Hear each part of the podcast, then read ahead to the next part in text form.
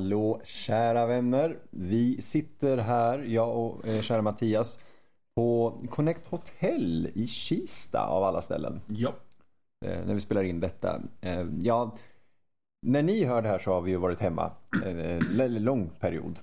Eh, ja, vi har nog varit hemma i en månad skulle jag säga. Ja, faktiskt. Det är ungefär Ja. där Mm. eh, tidsspannet vi, har. Vi har alltså varit på Comic Con. Vill ni veta mer om det så får ni helt enkelt gå till Instagram och kolla våra inlägg där. Precis, där fick ni ju lite tidsperspektiv i eh, hur långt eh, före eller efter vi ligger.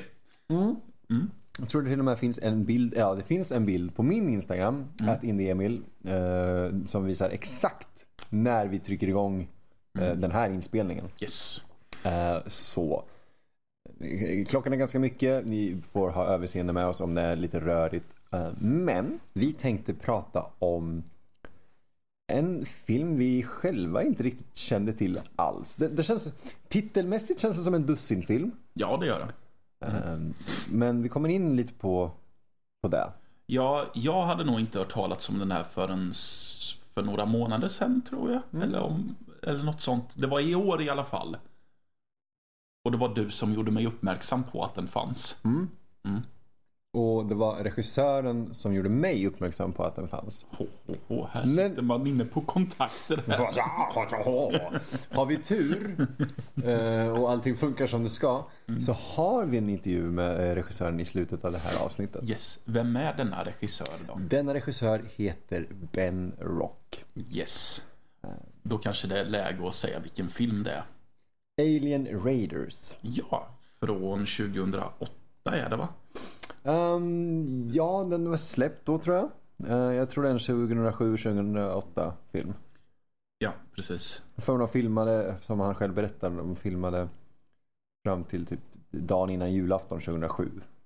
Eh, Så den släpptes då eh, 08 där. Okej, ja men ja, det står 2008. på Ja men då är det 2008 som är så här året som gäller. Mm. Ehm, det är en eh, lite så här Carpent-esk film. Eh, i, ja, det är lite luddig beskrivning kanske men Mm.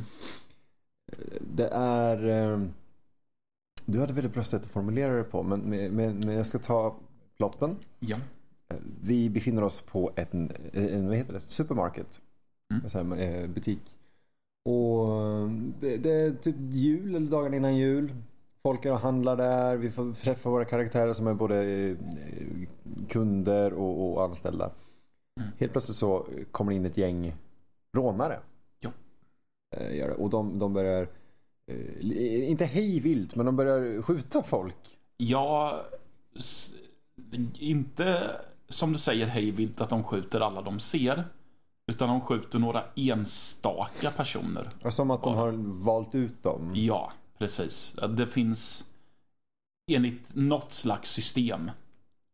Märker man. För att det är en snubbe som tar tag i deras huvuden och stirrar in i ögonen på dem. Mm. Och ehm, vi ser först att han säger att alla är clear. Och sen så är det en dam som börjar frika loss fullständigt. Och så blir hon skjuten. Mm. Precis, och det är väl egentligen upplägget då till, eh, tyvärr, alltså titeln förstör. Det, det gör den definitivt. Den, den spoilar lite grann. Ja, För att vi har inga implikationer eller så här, någonting om att det ska vara då aliens. nej precis. Alltså jag... När vi hade sett den här så sa jag att man kan kalla den här som en korsning mellan eh, Carpenters The Thing och Aliens. Men det är inte berättat ur vad ska man säga, insatsstyrkans perspektiv. Nej, den är ju berättad ur gisslan-perspektivet kan man säga. Ja, eller de oskyldigas Mm. perspektiv rättare sagt. De, eh, the De- bystanders som man säger så. Ja, de, de som inte har, de har lika mycket koll som vi har. Ja, Eller, vi, precis. vi som publik får ju veta mer eh, än Mm. vad de får göra under tiden. Precis, och det är det som, därför är det ju synd att de väljer titeln Alien Raiders. För att de skulle ju egentligen ha valt något lite vagt. Ehm, För vi, som du säger, vi vet ju lika lite som de stackars anställda och kunderna. Precis. och få reda på saker successivt samtidigt som de får reda på det. Ja, och det, det, det fanns ju en titel innan. Okej. Eh, som ni får då lyssna på intervjun för att få höra när vi pratar om hela den processen. Okej. Eh, för den är, den är intressant Mm. eh, faktiskt. Ben pratar väldigt ingående om hur han egentligen var maktlös eh, inför eh, titelskiftet och omslaget. eh, Som är väldigt lustigt för det säljer absolut inte den filmen vi får. Det omslaget. Eh, Du, Nej. det ser ett, ett, ett här flygande tefat och en, en varelse som absolut inte är med i filmen. Eh, ja, nej men ni får lyssna på intervjun för det, vi behöver inte recalla allting han säger där. Ehm, den, det känns med den titeln då som att det skulle kunna vara lite så här roligare, lite lättsammare rulle. Mm. Men de har en ganska mörk, somber ton ändå. Den är väldigt allvarlig, Ja, är den. Och jag gillar det. den lyckas. Ja, Mm. framförallt. Och jag tror att det har att göra med att... Alltså jag ska väl inte säga att jag... Okej. Den har väl inte helt okända skådespelare egentligen. Det, Egentligen. det är ju några människor jag tycker mig ha sett någon annanstans. Det är ju tv-skådisar. Precis. Men de är ju inte... ehm, nu... Men de är ändå tillräckligt bra för att bära just den här typen av film. Ja, jag. absolut. Ja, ja, ja, jag tycker de gör ett jävla bra jobb med tanke på vad det egentligen skulle kunna ha varit för typ av film. Ja. Det hade lätt kunnat bli en, en dime a dozen larvig sci-fi-rulle med lite coola catchphrases och one-liners. Mm. Nej, det är inte det. Utan de kör på det här eh, Carpenter, alltså det här The Thing. Vem är det som egentligen... Mm. Eh, ja, jag, vill, jag vill inte riktigt... Jag Alltså- vill inte riktigt spoila hela filmen här för att den, den är... Nej, jag har ju funderat på om man ska gå vidare och berätta vad som händer mer Mm. handlingsmässigt. Men jag vill samtidigt inte göra det. Det enda jag skulle kunna säga då i så fall är att det, det, det hela eskalerar ju ännu mer sen för att den här snubben som tar folk på huvudena Mm. blir skjuten av en polis som bara råkar vara på plats. Mm. Och då bestämmer sig de vapenmänniskorna för att spärra in sig tillsammans med alla kunder och anställda. För att reda ut eh, vem det var de sökte efter kan vi väl Ja, säga. precis. De letar ju efter någon, någon Mm. säger de. Och det är, inget, det är ingen enorm grej egentligen. Det är inte Nej. så här världen kommer gå under. Utan det är mer, det här är mellan dem och den här varelsen de söker. Ja, precis. Ehm, så det blir ju en gisslansituation där Mm. ute sen. Det, det är väldigt intressant för att de målar upp en värld som vi överhuvudtaget inte ser. Väldigt väl. Mm. Eh, Vi, vi förstår att de här kommer någon annanstans ifrån. Eh, De har gjort det här De har gjort det här länge. Det här är, någon, det här är liksom ett team som gör det här. Som Mm. har rest runt och gjort det. Men vi, vi ser aldrig liksom att de skiftar till att bli eh, eh, någon originalform som någon slimigt jävla Cthulhu släbbmonster. Nej, nej. Nej, nej, men det känns också som att de har jobbat väldigt mycket under ytan. Ja, de, de är, det är ju inget... eh, För det är ju ingen, det verkar ju inte vara någon annan än de som känner till det här. Nej. De, de, de, är lite luddiga med det tycker jag. Mm. Lite luddiga. Men, men inte på ett sätt så att det blir störande. Utan det, det är mer det här att det är irrelevant för, för resten av historien. Så det, eh, det lämnar lite mystik egentligen. Ja, jo men precis. Um, ja. ja, precis. De berättar det som är relevant för oss att veta i situationerna vi får ta del av. ja, Mm. precis. Um, vi, vi kan egentligen röra oss vidare från, från själva eh, förklara handlingen. För det är ju så att vi har, vi har, en, liten, vi har en grej till att prata om. Ja, precis. En Men- liten dubblett det här. Ja, eh, precis. Eh, Och det, det blir väldigt naturligt. Men därför kommer vi hålla båda de här grejerna vi pratar om lite mer... Vi, vi brukar gärna, inte analysera, men vi pratar ju väldigt upp, öppet om vad det är som händer och vi spoilar ju allting. Ja, Eh, Men de här vill vi hålla lite on a down low. Ja men precis. Och jag känner att Alien Raiders mår nog bättre om man inte pratar sönder för mycket heller. Nej, det är nästan så att vi har sagt för mycket nu. Ja, ja Så, så jag, se, se den. Det, det, Ja. det kan vara lite problematiskt eh, att se den. Eh, ja, den är inte... Den har... Du, du hade ju gjort research på det här eller du hade fått... Eller du, du har fått information. Wow. Eller vad man ska säga. Om att den har funnits släppt i Sverige. Mm. Men den finns inte tillgänglig just nu eller? Alltså, jag hittade den svenska DVDn eh, på egen hand av ren tur, om jag ska säga. Mm. Eh, För den, den dyker upp på så här, Tradera och så. Men, Ja. men det är ingen, det, det, det kanske den säljs så ibland, men, men det är ingen 10 kronors DVD direkt. Nej. Det är ingen eh, Blödaren heller. För er som inte vet så kostar nämligen eh, den svenska skräckfilmen Blödaren abnorma summor för den hög av mög den filmen är när den väl dyker upp. Ja. Eh, utan det här är 69 spänn, 79 spänn. Eh, Nobel har jag för mig det som har släppt. Skulle inte förvåna mig. Jag är inte helt hundra. Vi har varit inne på Nobel väldigt mycket. Nobel Entertainment som har släppt väldigt mycket bra filmer. Ja, vi har pratat om dem väldigt mycket Ja, faktiskt. i helgen. Nu ska jag ändra ställning om ni undrar vad det är som låter. Ja, vi, vi, vi har en, en fantastisk eh, Queen size studio apartment här på, på Connect. Eh, Ja. Jag är väldigt förtjust i det här rummet. Ja. Um, Och vi ligger i sängen. vi ligger i sängen gör vi faktiskt. Mm. Eh, Vi, har, vi har lite, ni, ni får verkligen vara med i ett in, intimt avsnitt här. Mm. Mattias har inga byxor på sig heller som sagt. Så. Och det var du tvungen att berätta. Ja, då, det var jag. Ja. ja, Emil är helt naken. Ja, men det behövde ju... Mm. Eh, nej, skämt åsido. Eh, det, det är en lågbudgetfilm är det. Mm. Det, det känns. Men, Ja. men inte på det sättet att, att det känns som att de har du vet, tagit, ja okej, på sina ställen och så. Men det känns inte som att de har eh, stretchat ut varenda krona. Att det känns inte som att de har stretchat Jag- jag- ut. Det känns inte som att de har försökt göra större grejer än vad de kan Nej, klara nej, av. nej, precis. Um, Eh, och det känns inte riktigt som att de har tagit några direkta genvägar heller.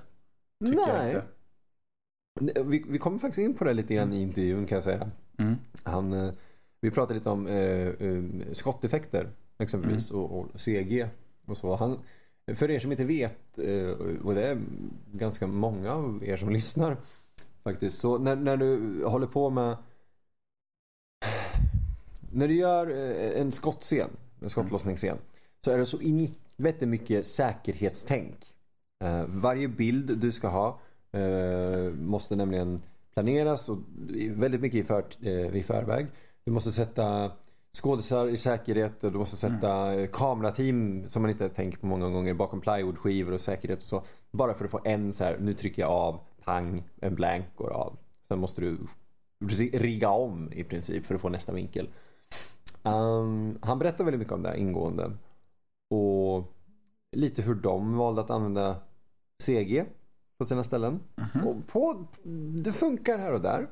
Mm. Sen finns det fruktansvärt CG här och där också. Ja. Eh, Men inte någonting som egentligen, alltså man, man funderar lite va- varför exempelvis var ni inte bara ute och filmade en natt istället för att filma en green screen himmel? Ja. För den är fruktansvärd. Den är ja. horribel. Mm. Eh, Men annars tycker jag att de använder sig av CG rätt. Ja. Eh, I. Eh, Jag kommer inte ihåg vad budgeten var. Den var relativt låg. Jag kommer faktiskt inte ihåg, men jag har ju IMDB här. Jag kollar, jag, jag tror det, jag vill säga att det är antingen 3 och 5 eller 5 miljoner dollar. Mm.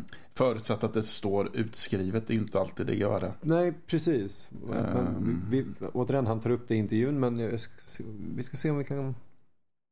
Jag får faktiskt inte fram. Nej men okej, nej men det, det, det, det är ensiffrigt vad man ska säga. Eller ja, Mm. det, det, det är fem, runt 5 eller 3 och 5. Um, Jag hade nog gissat 5000 eller något sånt. 5000. 5000 spänn för det, okej. Ja, Det, jag tycker att det är rimligt. det var ungefär vad man hade fått idag för att göra en sån film, ärligt talat. Ja, du ser. Ja, för det här är ju ganska intressant. Det här är ju... Fan, han pratar ju om det här också. Jag ska inte ta upp allting. Men eh, det här är en av de där filmerna som producerades medan det fortfarande fanns en relativt stark DVD-marknad. Mm. Eh, och då fick man en eh, mellanbudget på ett par miljoner. Så fick man iväg, åka iväg och göra en film på typ tre veckor. Och så ser det inte ut längre kan vi ju säga. Mm. Men ja. Nej, jag hittar ingen budget Nej, skit i alls budgeten. här. Då det skiter vi fullständigt i det. Skita fullständigt i borde. Yes. Um, skulle du rekommendera Alien Raiders? Ja, det skulle jag. Mm. Definitivt. Eh, Hur såg vi den? Det kan vi säga. Om, Vi- ni, om ni inte vill köpa en, en DVD. Eh, Ja, precis. Vi såg den ju på voodoo.com. V-U-D-U.com. Det är någon slags amerikansk streaming-sajt. Mm. Där man, man får göra ett konto och sen så är det Vissa grejer kan man se gratis. Vissa grejer får man typ hyra.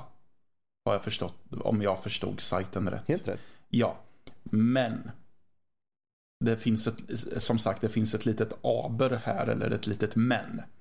Ni måste ha en VPN för att eh, kunna titta på den sidan. En VPN, alltså en proxy-server som inte låser fast er position, eller vad man säger. Ja, du, du kan eh, kort och gott egentligen utge dig från att eller utge dig att vara i, på en annan plats i världen. Ja, Eh, för vissa saker är då regionslåsta, och, vilket är skitsnack. Eh, ja. Men eh, bara man har en VPN och man aktiverar det rätt och så så kan man se på Alien Raiders på Voodoo gratis med reklam. ja. Eh, och det är inte alls jättemycket. Jag tyckte inte att det var störig reklam för den var ändå för reklamavbrotten kom kändes det som där det förmodligen skulle ha varit ett bryt om den hade gått på tv. Precis så. Det Mm. känns exakt som att titta på en film på TV. Ja. Eh, hur många nu av er som fortfarande gör det. Men eh, det, ja, jag tycker det är en lite mysig rulle. and people who don't know who you are. Yeah. Uh, Now they, I think they might be not freaking out, but you know, going like, please just get to the point, get on with it, as they say in Monty Python. Uh, uh, and I just, we're, we're not gonna just talk about that. And I think we have this so much fun. I think we need to might maybe do another one of these someday. Uh, I'm happy because- to. yeah, we have a lot of. To, I have a list that I made, and we we won't be able to cover all of it because we can speak about all of this in uh, for hours. I think because I really want to know, and I want to get you know into stuff. I'm I'm speak. I, I realize you can't see this, but I'm speaking with uh, my hands very much. I'm just waving around and flaving around because I'm getting excited. But I did a little not research, but I just stumbled upon this. There's it's it's 60 years now since Plan 9 from Outer Space had its premiere. Oh wow. Yeah, it's 50 years since the moon landing. It's 40 years since Apocalypse Now had its premiere. Uh, I didn't have a 30 year thing. A lot of cool slasher movies. Uh, 1989. I mean, uh, yeah. What would what would have been the big 1989 moment? uh, what would it Uh, be? Roadhouse. I don't know. yeah, well, maybe. Uh, well, you know, Yeah. and then we get to it's 20 years since the Blair Witch Project had its premiere, and as I wrote to you on Twitter, like maybe a, a couple of months months ago, Blair Witch. Uh, w- uh, actually wrote, "Thank you, Ben, for bringing me some of my worst nightmares." Uh, since I Well, s- you you flatter me, but Ed and Dan deserve the credit. well, But of yes. course, you, but you were a part of it. I, I think I actually tagged them Uh, in that post. I was certainly a part of it for sure, but Uh, yeah, I mean, it it was their concept. Yeah, well, uh, I- that movie fucked me up. We we, Nice. we, we have an explicit uh, tag on this podcast, so we can swear. That's fine. Um, that's good because I've been swearing this whole time. yeah, you have, and I, I really liked it because that made me more comfortable with everything. um, I, my my my uh, son, who's uh, almost 16 months old, I, I realize he's going to be one of those kids who gets in trouble for cursing at school all the time, and it's going to be my fault because I don't know how to turn it off. I mean, I shouldn't say that. If I was on, you know, national public radio, I would turn it off, but I, I don't know. Like Well- I I can't. It's hard for me to have a serious conversation without without cursing my face. I don't even realize I'm doing it. Well, uh, if if you're in a professional studio or anything, you know, you, you, you really you put your mind to it. But when you're at home and relaxed, some curse words are gonna get out there. Um, Yeah, it's true. when I, I I think that's my problem. Uh, I actually had a conversation with my boss about that uh, uh, because I said, uh, "Well, you know, I I curse a lot, as you know. Uh, can I do that in in uh, that new podcast we're starting up?" And he's like, "Sure. We we just gonna have to put it on explicit and limit our audience, but they will love what you're doing." They're like, "Yay!"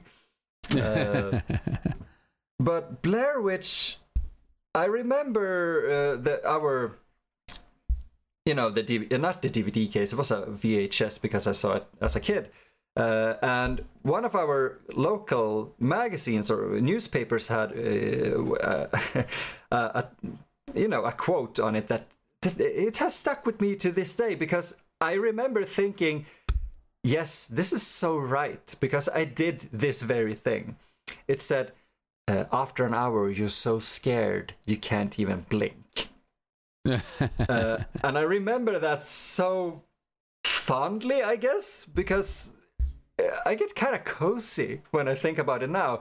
Uh, as a nine year old child watching that movie with my mom and my sister, I think, uh, I remember I, I wasn't even bored. You know, it, it, it, it has its time, it takes its time, and I love that. Even as a child, I was like, well, what is the Blair Witch? I really want to know. Uh, and then, like an hour in, I was shaking and crying, and I couldn't even bring myself to blink because I was so terrified. Uh, wh- what? Give me the short version. Wh- How did you get involved with Ed and Dan making one of? Uh, okay, I'm gonna say it. One of the most terrifying movies of the '90s. Oh well, thank you. Uh, um, of the '90s, so Yeah. more, more or less scary than Lawnmower Man. Oh, Um, oh, okay. It's more. It's, it's one of the It's- most terrifying movies it's- I it's- have it's- seen. It's fine. Um, the, the I mean, we all went to college together, so we went to the University of Central Florida, which is in Orlando, and um, my kind of inroad to that group was Greg Hale, who is the producer on Blair Witch, and Greg and I had gone to uh, another film program together before uh, we went to UCF, and that's where I actually met Greg. Was at the Valencia Community College film program, which was all technical. So we went through that program, and then we both applied and got into UCF, and we kind of we would kind of work on each other's projects or whatever, you know, buddy up on stuff. And uh, Greg was in; he was a, a little bit older than uh, than most of us, uh, you know. So when we were, he was probably in his late twenties, uh, and I was like twenty one or twenty two or whatever. And um, and right out of college, he he had already had some art department experience, and he went out to L.A. and worked on the first season of Mad TV in the art department. Made what sounded like an obscene amount of money to me at the time. I don't remember how much it was. Came back to Orlando, and he had a meeting with Ed and Dan, or I don't know how it came about, but those two guys pitched the idea to him, and he decided to like take the money that he'd made and basically full time produce just the Blair Witch Project for them, which at the time they were calling the Blair Witch tapes. So I was living at that time about a block away from where Greg lived, and I walked over to his house when he came back to Orlando uh, from having been in LA for a year or so. And he asked me um, if I had ever heard of the Blair Witch, and I said, "Do you mean the Bell Witch?" And he said, "No, the Blair Witch. The Bell Witch is a real uh, legend in Tennessee." And uh, then he kind of unspooled the the sort of the skeletal version of the mythology and the skeletal version of that these three kids went missing and that we have their film and I freaked out and I'm like uh, what's on it? You know whatever. And then he told me it was all a joke and that you know that they were going to make this movie and that that was kind of the pitch to the movie. And that was when I said like I'll sweep the floors. I th- I'd never been more excited to work on a movie in my entire life and uh, you know there was no money. The the budget was crazy low. Um and so i mean like they paid me a little bit but it was like $300 a week or something. Oh. and um and i was just excited as all hell. But the first thing they had me do long before i ever got paid for anything was i wrote i i fleshed out the mythology because that was the thing i was kind of nerdiest about at the time. And um and so I kind of, you know, I named the characters Elly Kedward, Rustin Parr, all that stuff, but you know, like, kind of came up with a full timeline and all the dates. Uh, some of it didn't end up making the cut, but a lot of it ended up in there. And uh, and you know, to like, I never really thought about it at the time that we were kind of world building, but that's what it was. And it was a really fun and imaginative exercise, but honestly, like that, uh, that kind of thinking goes into a lot, a lot more projects than you might think, and that skill, you know, uh, uh which I, I, I didn't know I had when I started working on that, like it has has served me well up to and including uh, Video Palace. Like it's it's the kind of it's it's it's a tone that I get that I that I love, uh, which is kind of creating something that feels plausible. And I think when a lot of people approach something, they want to know is it true or isn't it true. And when you're dealing with something that's like folklore on any level, uh, or an urban legend or whatever, it's like it, there isn't a canon. There's like you know, there's one person's version and then another person's version and and they often conflict so we kind of built those conflicts into the mythology of Blair Witch and uh you know it was over a year after we did that that they actually got you know that sweet you know whatever $22,000 to go make the movie in Maryland and uh Greg and I drove up you know to get I I I went with him and we drove up and we stayed with uh, Ed's then girlfriend, who's now his. Uh, uh, Ed, Ed, Ed and Steph have been married for I don't know how long they've been married. They've been married for a long time. They have three kids now, but they were boyfriend and girlfriend right out of college back then.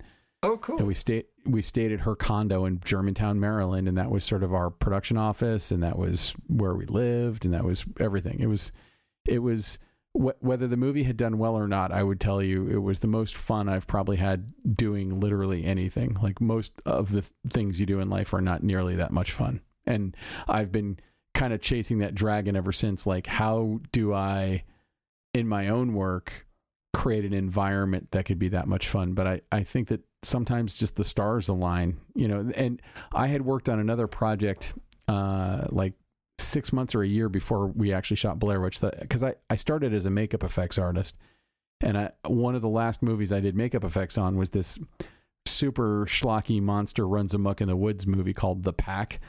Um, that was shot in Mobile, Alabama, in, over the course of three weeks, and it was a similar feeling set in that we were crashing at the producer's house in Tillman's Corner, Alabama, and you know we each like i was sleeping on the couch in the living room and one guy was sleeping in the closet and one guy was sleeping. And you know like everyone was just kind of it was a flop house.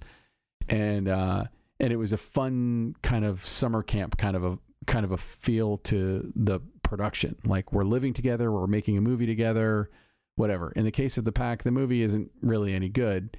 Um but it was it was a, a lot of fun memories on that shoot uh, in the case of Blair Witch, you know, it it came out better. Um, you know, I think because it was such a random, wild experiment, and in this case, the experiment worked out, whereas the pack was just like straight to video, you know, whatever. Uh, Blair Witch was like, could this work? It's a crazy idea, and a lot of people tried to talk us out of it or tried to talk us into doing it differently. And uh, Ed and Dan kind of stayed their course, and Greg uh, doesn't get enough credit because he was the one who suggested to give Heather a handheld video camera and have her film everything, which ends up being like, you know, eight tenths of the movie. Um, and, uh, uh, so, so to me, you know, it, it was all over. It was, it was just an amazing experience to do it. Did I answer your question a little too thoroughly? I think I did. you answered it perfectly because I, I, I wanted to like, oh, well, tell me more about that. Tell me more about that. But I think, yeah, you know, um, that's really cool, actually. So you you kind of made the the the story. You, well, you, well, I, I yes and no. I, I came up with a lot of the details, and I kind of came up with some of the uh, connective tissue that hung stuff together and named the characters. And I think that I looked at the at their idea and said, okay, well, what was going on in the world at this time or that time, and then when the movie was uh, already picked up by Artisan and was getting ready to come out, they and they wanted to uh, make the Sci-Fi Channel special that became Curse of the Blair Witch. They brought me on to write it, and that was where I, I got to like really dive into that stuff, but also dive into the thing I was just kind of saying about how folklore is inconsistent. If you ask one person one thing and another person another thing, you'll get two different answers, Hmm. even if they're both experts. And so when I wrote Curse of the Blair Witch, I, I was kind of writing content for interviews for people. So I was basically writing bios that the actors would memorize and then be interviewed as those characters in the show. And I intentionally put inconsistencies in in their answers so they don't all have the same story or they have the story kind of from their own point of view, sort of like Rashomon, but like the fake documentary version of Ra- Rashomon. And um, you know, again, like in Video Palace, uh, when Bob and I wrote that, I uh, um, I I don't think I'm speaking out of turn to say that I wrote a lot of the bios. I mean, Bob had input in all the bios, but I'm much more excited about writing biographies than Bob is.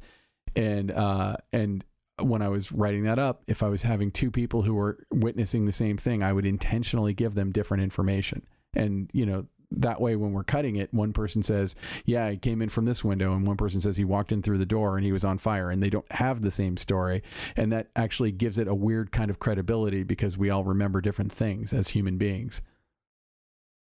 That's actually very true. Well, that that's the thing that makes it so alive because I remember seeing the, the you know the Barrett Wingard Blair Witch, Yeah, yeah. uh, and while we were watching it, we had just seen Curse of the Blair Witch before, uh, and we were starting to you know pick up on some details that were like, oh, cool. They actually stick kind of true to to like a lot of the lore. they really Uh, did. I mean, they added to it, which you would expect, you know, they had to. Yeah. uh, you want them to. I when I heard that they were making that movie, and I, I had it's the first Blair Witch anything that I had literally no part in as a consultant of any kind, and I was a little afraid that they would play fast and loose with the mythology, and they really didn't. I thought that they were they were respectful to it. Uh, like I have a similar concern about the video game, but uh, I don't have a video game console, so I don't know how I will play the game to find out. Yeah, because they were. I, I want to get on that uh, a little bit because uh, at the time of recording, there's about two days before it's uh, released, the the Bloober Team Yeah. uh, Blair Witch video game. Uh, but there were three video games before that.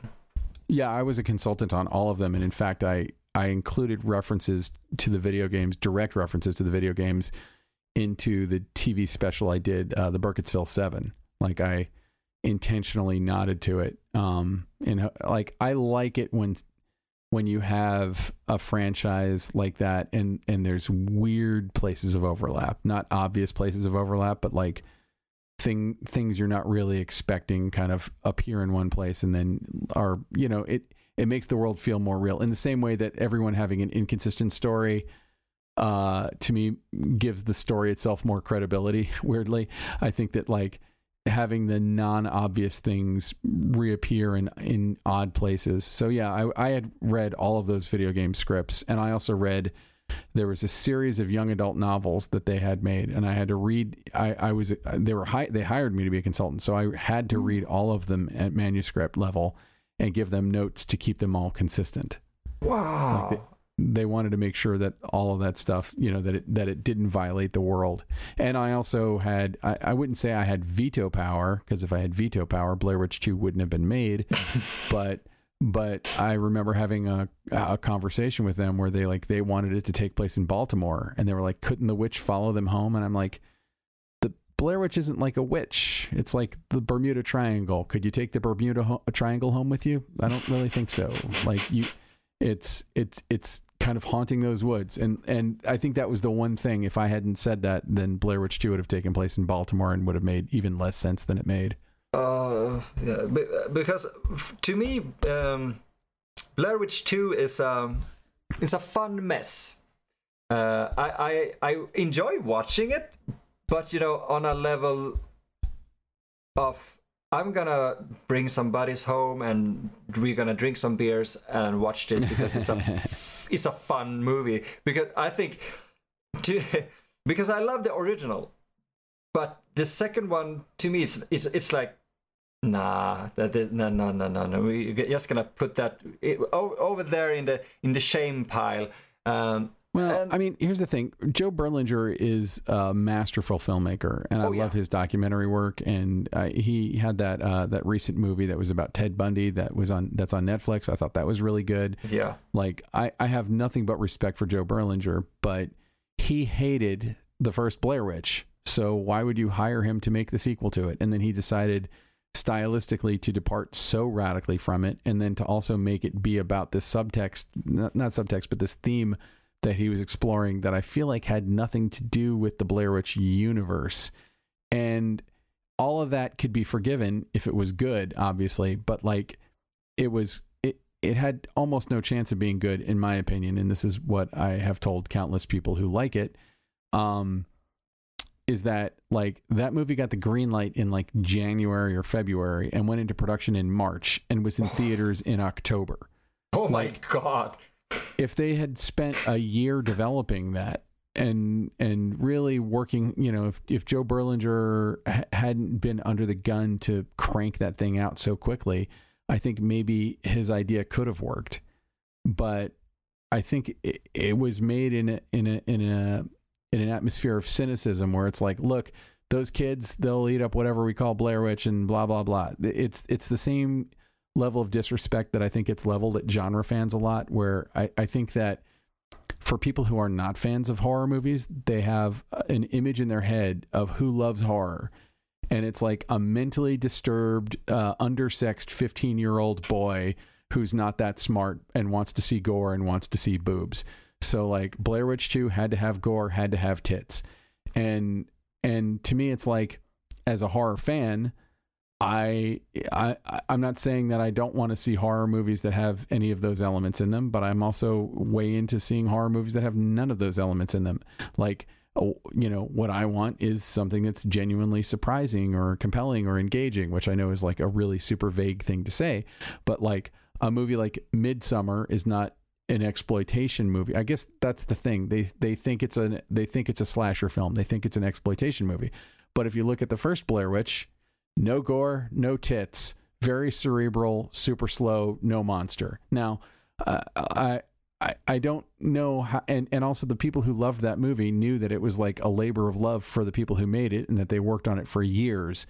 So to have another a sequel get cranked out a year later to me seems from a fan point of view seems like a cynical move, but Artisan at the time they were trying they were getting ready to do an IPO and they all wanted to get rich and I think they all thought that they I think that they thought it didn't matter if it was any good. And I think to Joe Berlinger it mattered a lot if it was good, but he didn't think the first one was good.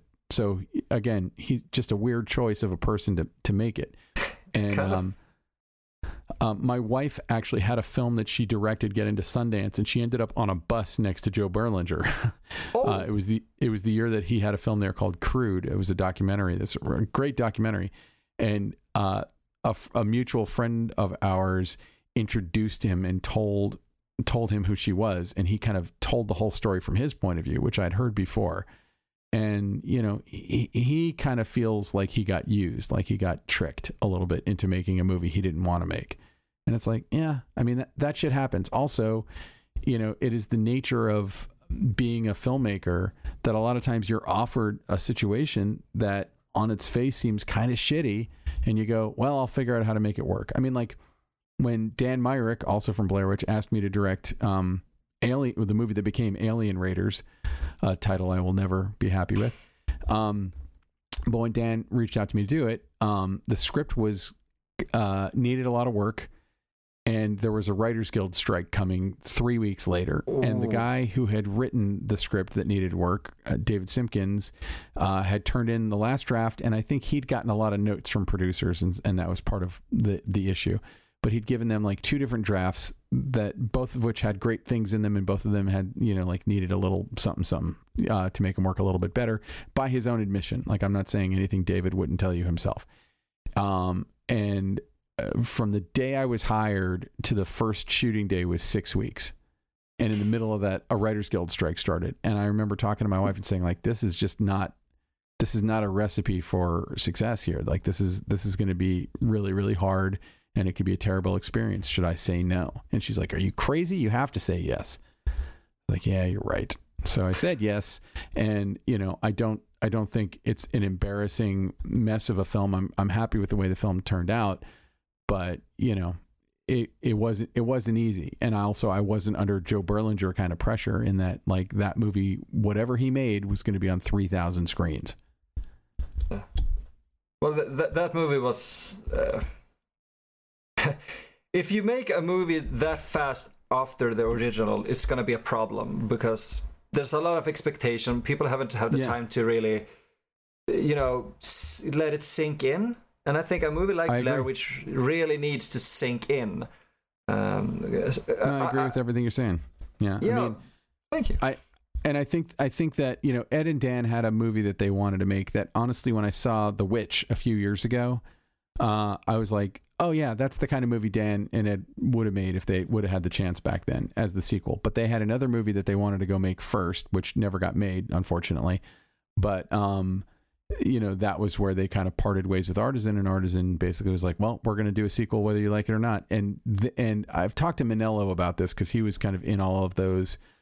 Um, negotiations, but he he said there was just no way they weren't going to make something like what Blair Witch 2 turned out to be. In other words, like the tits and gore version of Blair Witch, which to me is like it, it it's a it's a misunderstanding of what worked in the first movie, but I think that ha- having been around this industry now for about 20 years, I think that there's kind of just a standing misunderstanding of horror and horror fans.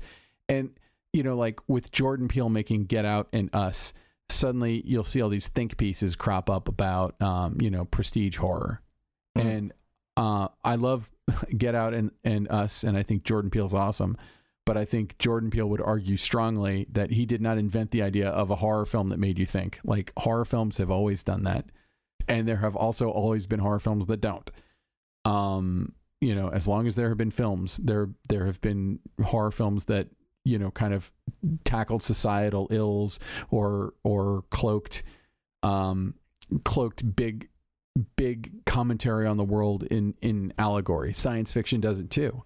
And it's Oh, like God, it, yes. it's yeah and so like if you're not a science fiction fan you're like ah put a guy in a weird mask on a spaceship. Everyone will love it. But it's like no that's not science fiction asshole.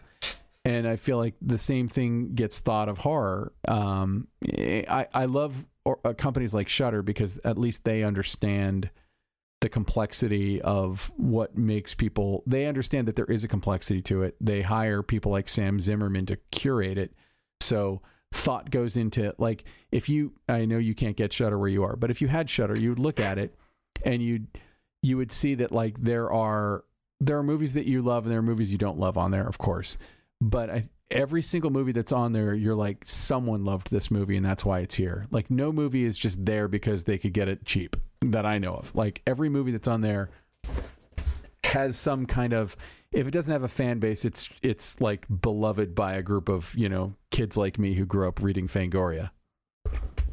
Well, it seems like what what's what Shudder has to offer is uh, something that it's there's something for everyone because a a, a, a genre is much wider than people think. Uh, Of course. I really love that you're saying you know well there's that kind of movie in that genre and this that kind of movies because it's it's never as uh, oh my English is really breaking up on me. It's it's really It's, it's, ne- uh, never as way, narrow. way better than my Swedish, by the way. So Well, thank you. Well, I'm, I'm gonna learn you some Swedish. Uh, it- well, I can actually actually say this. How how did you say uh, m- uh, midsummer? You just said midsummer. I said midsummer, and I know that that's not how you would say it. Well, no, but but uh, it, it's it's your word for it, and it's right. It's kind of close actually to to our word because we say midsommar. Uh huh. Uh, and it's basically actually we have a you know a, a, a, our uh, national day and, and um, what's called? Yeah you know where we celebrate our uh, country and sing our national anthem and such. But mid uh, midsummer is our really it's, it's like th- that's the day when we celebrate for real uh, so it's kind of interesting. I, I really need to see that movie to know how I'm supposed to celebrate next year. Uh, yeah, uh, God, there's so many jokes I want to make right now, and I'm not going to because they would all spoil the movie. But it's so Oh, good. God. I love. I really, I really love that movie, and I think you'll like it too. It's just such a deliberately paced thing, and it's such a like if you've ever seen the original Wicker Man, it's such Oh, a yeah. sm- smart homage to that kind of story. Oh, oh! Now I need to go see it. God Yeah. damn it! Okay, what I well, love about it too is that like it's all like brightly lit and like it's very little of it happens in the shadows and you're just watching it and you're like you know like it, it kind of soothes you into this feeling of like nothing bad can happen because it's this beautiful pest like i want to go to that location. It looks like an amazing place to vacation. It looks it looks beautiful. And then like out of left field something the things that happen are not uh you're just you're just not expecting them or if you are expecting them you kind of feel like oh it's not going to go there and then it it doubles down each time. I i was i i don't know i i uh I, I, I really loved it, and again, you know, you you might dislike it. I know a lot of people who didn't like it, but um, Yeah, I don't think I. Will, I think I will love it because I, I love dissonance. If you have some, you know, uh, beautiful classic music to horrifying scenes, that's like yeah, one of my favorite things in the world. I'm so sad that it's overused, but uh, I, because Well, and, I, and check out Hereditary too if you can, because it's the same filmmaker, and Hereditary, uh, like, had been divisive amongst my horror fans, uh, horror fan friends. But like, for instance, Bob DeRosa, the guy who I wrote uh, Video Palace with and who I co-created 20 Seconds to Live with, he he kept saying like, "You got to see it, you got to see it. I can't wait to talk to you after you see it." And then I, I, when it came on Amazon Prime, I watched it, and it was just like how rare is it that I watch a movie where I have just no fucking idea where it's going? Like that movie is such an enigma and then after after it was over, I was like, "Oh, that like it, it all makes sense, but it didn't in in the moment it it caught me in, in the ways that it meant to catch me where it's like shit that happened was not where I saw it going. And I will say no more. oh fuck, I love those kinds of movies. Ah. I, because I, I I'm having a very strict budget right now, but I think because I'm gonna I'm gonna go to the movies this month. I know that because otherwise I'm gonna have to like kill myself. But uh, I, I'm I'm kind of on the fence. Don't have a kid. Anyway. Oh, yeah, well, that I, that would never work right now. God Oh, damn it. man. Uh, having a kid, it was like, oh yeah, I guess I'm not going to get to go see. uh, Like I, my wife and I, like that was our thing. We'd go to the movies like all the time. That was our big vice. Don't drink. Don't you know? Don't party. Don't really do a lot of anything. But we would go to the movies constantly. And uh, the first year my son was born, I think I saw five movies in the theater, which is maybe more than a lot of people see. But like ordinarily, I would see five movies in a month. It was it was weird. Still is. That must have really f- like f- fucked something up. Uh, Well, uh, Oh That's- yeah, yeah. It was it was it was rough, especially knowing that like there's a Suspiria remake and a Halloween remake, and there's no and I know that there's no way I can see either one of them. I Like, saw that both. uh, Yeah, because I saw both in the theater and they were so good. Yeah, I I I need to. Well, I'm actually going to be a bachelor this weekend because my wife is going out of town, so maybe I'll set some time aside, get a lot of rest, and then like watch Suspiria and then watch Halloween. Yeah, I, that's that's the exactly the, the the order I would recommend you seeing them because Suspiria it demands its time really. It it needs to yeah, you know bloat a bit because it's not bloat. That's a bad word. It's it's it really needs its time to settle. Uh, settle in, and, and I think you'll love it. I, I, god, I really need to know what you think about it, uh, because Well, I like think if, if you were to call my actual phone, my my cell phone, uh, my ringtone is the is the Goblin music, the theme from the original 1977 Suspiria, and I have seen that movie. I don't even know how many times. Uh, certainly dozen dozens of times. I have I have watched the original Suspiria. That's that's like the perfect ringtone. It's so creepy. I, I had it. Uh, it's in my study list. Even uh, either when I'm writing or I'm reading something for uh, well when I was studying, I had uh, a lot of Goblin soundtrack in the background, and Suspiria was like the first song always because It's so good. It's- I mean, it's yeah. it's just su- such a unique movie. And when I heard that they were remaking Suspiria, I'm like, why not remake Blue Velvet? Why not remake you know Schindler's List? Like, like if we're just gonna if any, and then like when I heard what they did, I'm like, oh okay, I I can I can be down with the fact that they sort of threw out like they're not really making No. Dario Argento's film. They're making another idea in that kind of a universe, and you know I can respect that. But yeah, uh, and I've started to- watching it. I, I just don't have the attention. I probably now I do, but like when I started watching it when it first came on Amazon Prime, I just did not have the attention span. No, there were a lot of people in uh, in uh, the screening with us that actually, you know, br- took out their phones and, like doing long sighs because it it was slow. But don't go to a two and a half hour movie based on Suspiria if you're gonna think it's boring. God damn, Yeah, it's yeah. supposed to be slow. Uh, um, let's circle back to uh, Alien Raiders uh, because that's one of the movies I actually managed to see via a VPN. Uh, because there was no that this is the fun part. I found out after seeing it that Sweden actually had a release of uh, of it. Yeah, I We- know I- it got released because like I get residuals and I'll see it's like you know uh, uh, most of the countries you know overseas it, it has popped up there at some point or another. That's cool actually because I, I, I didn't have a clue. Uh, I I have never seen it out in the wild or i- i- at any. Well, I think I've. Yeah. it wasn't heavily promoted. I mean, you know, it it came out like we made it in uh, at the very end of 2007, and uh, America was already in economic free fall at that point. The recession had kind of started, but also home video was dying. Like the DVD, the whole DVD movement was dying, and um, that movie was part of like the last batch of the that kind of movie that Warner Brother uh, Warner Brothers cash flowed. Like after that batch, after that year, Warner Brothers basically, if they wanted to release a movie on home video, they would let some other poor schmuck go out and raise the money and make the movie. Then they would just license it for American release. Um, the company that made it, Raw Feed, um, you know, it was uh, the last movie that they made. Um, and they made six movies Oh. and uh, you know, uh, it just you know, the it was interesting to it was an interesting education, an interesting and useless education that I got in the way that the DVD world worked. Because uh, it seems uh, crazy pants to me that this is how an industry would be set up. But I talked to other people who had similar jobs at other studios, and they all said, "Yeah, that was basically our model." So their model was make movies nobody's ever heard of, put them out on DVD for, you know, like $20 and stick them in, you know, Target and Walmart and Kmart and whatever in, you know, on, on racks, you know, so people are there buying dog food or shampoo and they're like, oh, what's this thing I've never heard of? $20? T- shut up and take my money. And they would buy them.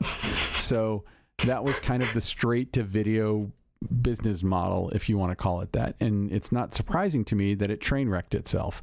But for a long time, the DVD uh, market was kind of keeping, you know, when we were talking earlier about like independent films, they were keeping independent films afloat. There were a lot of independent films that would get like a very perfunctory uh, theatrical release, like they get released in L.A. and New York, and they'd get some reviews in you know the New York Times or you know whatever, and um, uh, Village Voice. You know they they get they get a review in a couple of well known publications, and then they disappear and come back on DVD.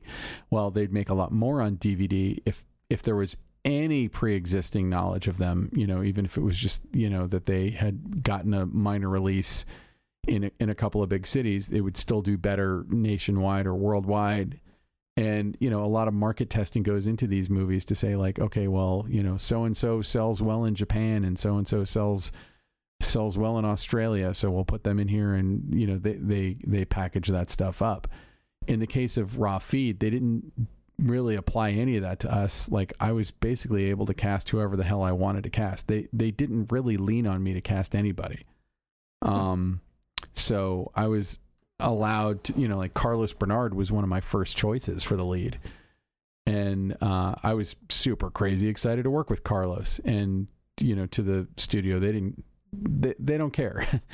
they they didn't they didn't really lean into like I feel like at the time you could have t- 24 was one of the top TV shows in the world and he was like the second or third lead on that show and you could have really leaned on that more than you did and they, they didn't we, we had him we had one of the major characters from uh, prison break Rockmond Dunbar Yeah. and we had and we had matthew st patrick from six feet under like all of those were huge tv series um the the but the studio kind of their model wasn't to apply any um imagination to doing that it's like the people who were who were putting together the press and whatever materials for Alien Raiders this week. Literally the week after we came out, a, mo- a kids movie called Ace Ventura Jr. came out, and the same exact bunch of people that was their job. You know, so like Alien Raiders was just an action item on their to do list that they had to kind of get through, and uh, you know that's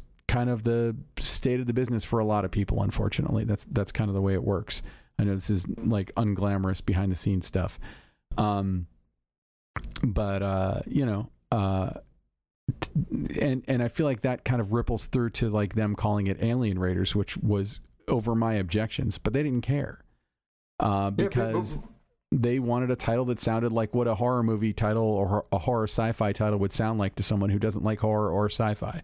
So, you know, it's like, yeah, we didn't need the word alien in there. You know, like they they just they it, it, it was frustrating because that wasn't the title of the movie while we were making it. That was the title that I was handed like the week we were set to deliver the, the movie Oh.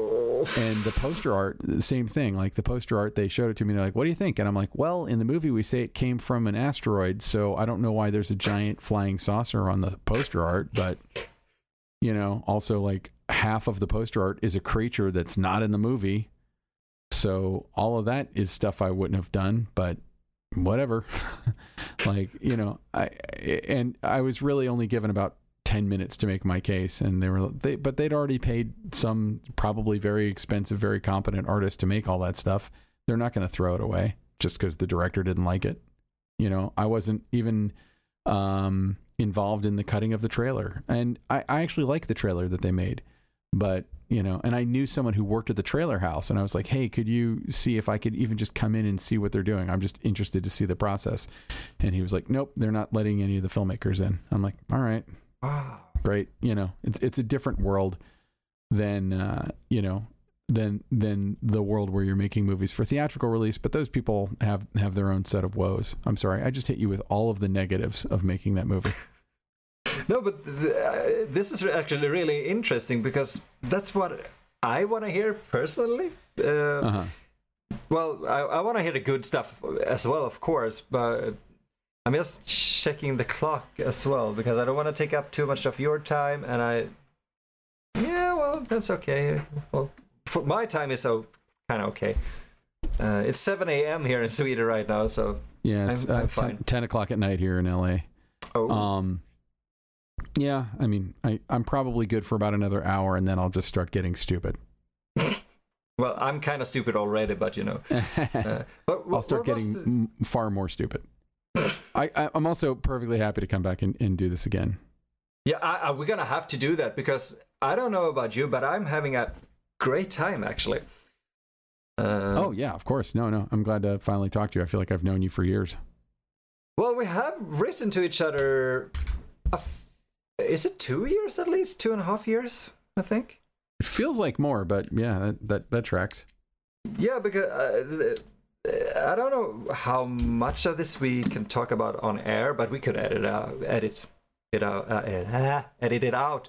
But, but the first thing we spoke about really was you, your role on Adam Green's um, Victor Crowley. Oh yeah, yeah, that was a lot of fun. Yeah. Oh, please tell me because uh, wait. First, first of all, your title for Alien Raiders. What was the original title? Because I know I loved it. Uh, the title for Alien Raiders when I was working on it was Supermarket, which I wasn't a thousand percent on board with, although I would take that over Alien Raiders for sure. Um, the title I had been pushing for was Inhuman, lowercase i, uppercase h. Yes, And- that's the one. Yeah, and to me that like I almost want to just use that title for something else. And the re- one of the reasons they told me that we couldn't use that title is that another studio was developing a movie called Inhuman, which was like developing. That doesn't mean shit. Firstly, you can't copyright a title. Anyone can use any title. I mean, like Yeah. I, I don't think that I could use you know Doctor Strangelove or How I Learned to Stop Worrying and Love the Bomb. Like I don't think that I could I could use that. But how often do you see a movie? Uh, it, it happens all the time where, like, you know, there was a movie a year or two ago called Leviathan, and then I remember, like, you know, when I was in high school, there was a movie with Peter Weller called Leviathan. You can't you can't copyright a title. So Inhuman is a one word title, and there have been other movies called Inhuman, by the way. So whatever. But you know, we, I I kind of liked the play on words, but. Um, anyway, so they, that was part of the reason we were told we couldn't use it. But that was the one that I wanted. But we, we during the making of the film, we were all constantly brainstorming better title names, and uh, Alien Raiders was not one of our titles. Um, yeah, because that uh, honestly, that title kind of sucks. It it, it kind of spoils if you don't know anything about uh, the movie going into it. It it spoils the movie. I agree. I completely agree. And that was one of the reasons that I said, I mean, to me, ultimately, Alien Raiders is a campy title. If we'd made a campy movie, it would go fine with it. If Troma made Yeah. a movie called Alien Raiders, you know exactly the movie that you'd be getting from Troma, right? Like it's it's what you want. And Yeah. when they first hit me with that title, one of my reactions was, "Oh shit, did they want me to make a movie that should be titled Alien Raiders because they never said that?" Like I would have been happy to make a movie about a bunch of commandos going into a warehouse and shooting up a bunch of aliens. Like that sounds like fun. Um, what we tried to do in the script that I was given was, you know, an attempt at something that was like a little grittier, uh, something that took itself a little bit more seriously, you know, something that was, you know, more in the vein of a John Carpenter movie. And that's what I loved about it. And that's that was the thing that made me really want to make that film. And so, um, you know, uh, I, I wish that we could have come to an agreement on a title. I wish that they would have cared if I agreed with them on a title. But I think that they the they were making they had kind of a movie factory that they were running, and they just wanted to get product out the door. And I also think that by the time Alien Raiders came out, they saw the writing on the wall that the DVD world was not going to be around much longer. And I think that Warner Brothers was just like, yeah, let's just get it out the door. I did a festival run with it um, where I took it to. It premiered actually at Fantastic Fest in Austin, and I I took it to a bunch of film festivals. And part of my reasoning for that was I made a film as a as a genre fan myself. I made a film that I would have wanted to see, and and I felt like the title would hurt its chances of being seen at all. So I convinced Warner to let me at my own expense, like I had to pay all the festival entry fees, to take it to a bunch of genre festivals. So we took it to the New York City Horror Film Festival, and we took it to the Terror Film Festival, and Shocker Fest in Modesto, and Shriek Fest out here in L.A., and Fantastic Fest. And I kind of played a played a fuck ton of festivals um, between. I, they would they wouldn't let me do it before August because um, they had the sequel to Rest Stop coming out. So uh, it was like between uh, Fantastic Fest was the, like I had to twist their arm to let me do it in Fantastic Fest because they thought it was too soon, and I'm like, there's literally nobody on earth who is sitting there in Austin, Texas, going. Uh, I can go to a film festival and see a movie on the big screen, or I can buy a DVD at Target. Like that's not an either or. That's real. That's real. And but but I I learned that a lot of those uh they- like the film festival world is you know kind of its own little sequestered world as well. In that you know I I don't know that a lot of people at the studio level spend a whole lot of time trolling film festivals. Um especially people who are like in the home video divisions like they just Yeah. that's not that's not the thing that that they're excited about doing and so i had to kind of convince them that it was worth doing. And then once it started winning awards at some of those festivals they were of course very excited to put laurel leaves on the uh, on the box. And i remember at one point somebody complaining that they thought the movie was overhyped like on twitter or something. Somebody somebody uh bitched about it being overhyped. And i was like i that makes me very happy because literally i'm the only one hyping it. Like it is not overhyped but but i'll take it. Uh, you know like i'll i'll take that as a huge compliment but but that's yeah, that's a huge compliment, really. But where was it overhyped? I I haven't I seen. mean, I think for a minute there, it was getting uh, press. Uh, you know, like places like Dread Central and uh, Shock Till You Drop and whatnot. Like they were covering it, and it was getting um, a bit of coverage. And I think, uh, uh, and I'm biased, so this is where I'm coming from. But I believe the reason it was getting some of the coverage that it got was that it was playing a lot of those festivals. That I was getting into those festivals, and more importantly, like I would go to Fantastic Fest and hang out with. You know, I I got to know and be friends with Scott Weinberg at that festival, and I I'm not saying Scott wouldn't have seen the movie because he sees a lot of movies, and he, uh, I, I truly believe Scott is a very objective journalist. So his review would have been the same whether he'd known me or not. But I do think the fact that I met him in person, and and that he kind of he kind of knew who I was when he walked into the. I think it maybe might have convinced him to see it sooner or you know whatever like and i feel like that's the the kind of thing and you know i mean that that that kind of thing can just as easily blow up in your face if people don't like your movie. So, you Yeah. know, um, but I, I had to think at that time that I had something that would appeal to, uh, to the kind of genre fan that I am. And cause that's, that was the thinking that I had had going into that movie.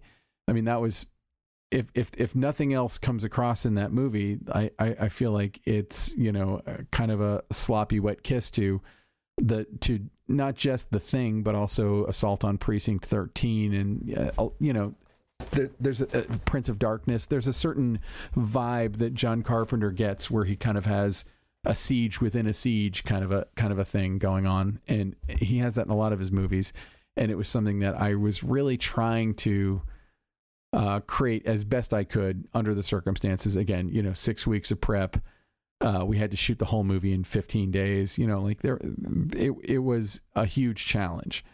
Um, That's insane. Yeah, it was a little. It was, and that was Raw Feed's whole. Uh, Raw Feed's model was they would they they did two slates of three movies apiece. They did it. They did this twice, and they would have basically the same crew. So the directors could bring on their own DP, and the DP could bring on their own grip and electric crew, and the directors would also bring on their their own AD. But wardrobe department, art department, production department, like the the producer themselves, like a lot of that stuff was the same from film to film. Script supervisor, even it was it was always the same from movie to movie. So they, and then they'd make three movies in a row. They'd shoot for three weeks. They'd be down for two weeks. They'd shoot for three weeks. They'd be down for two weeks. They'd shoot for three weeks.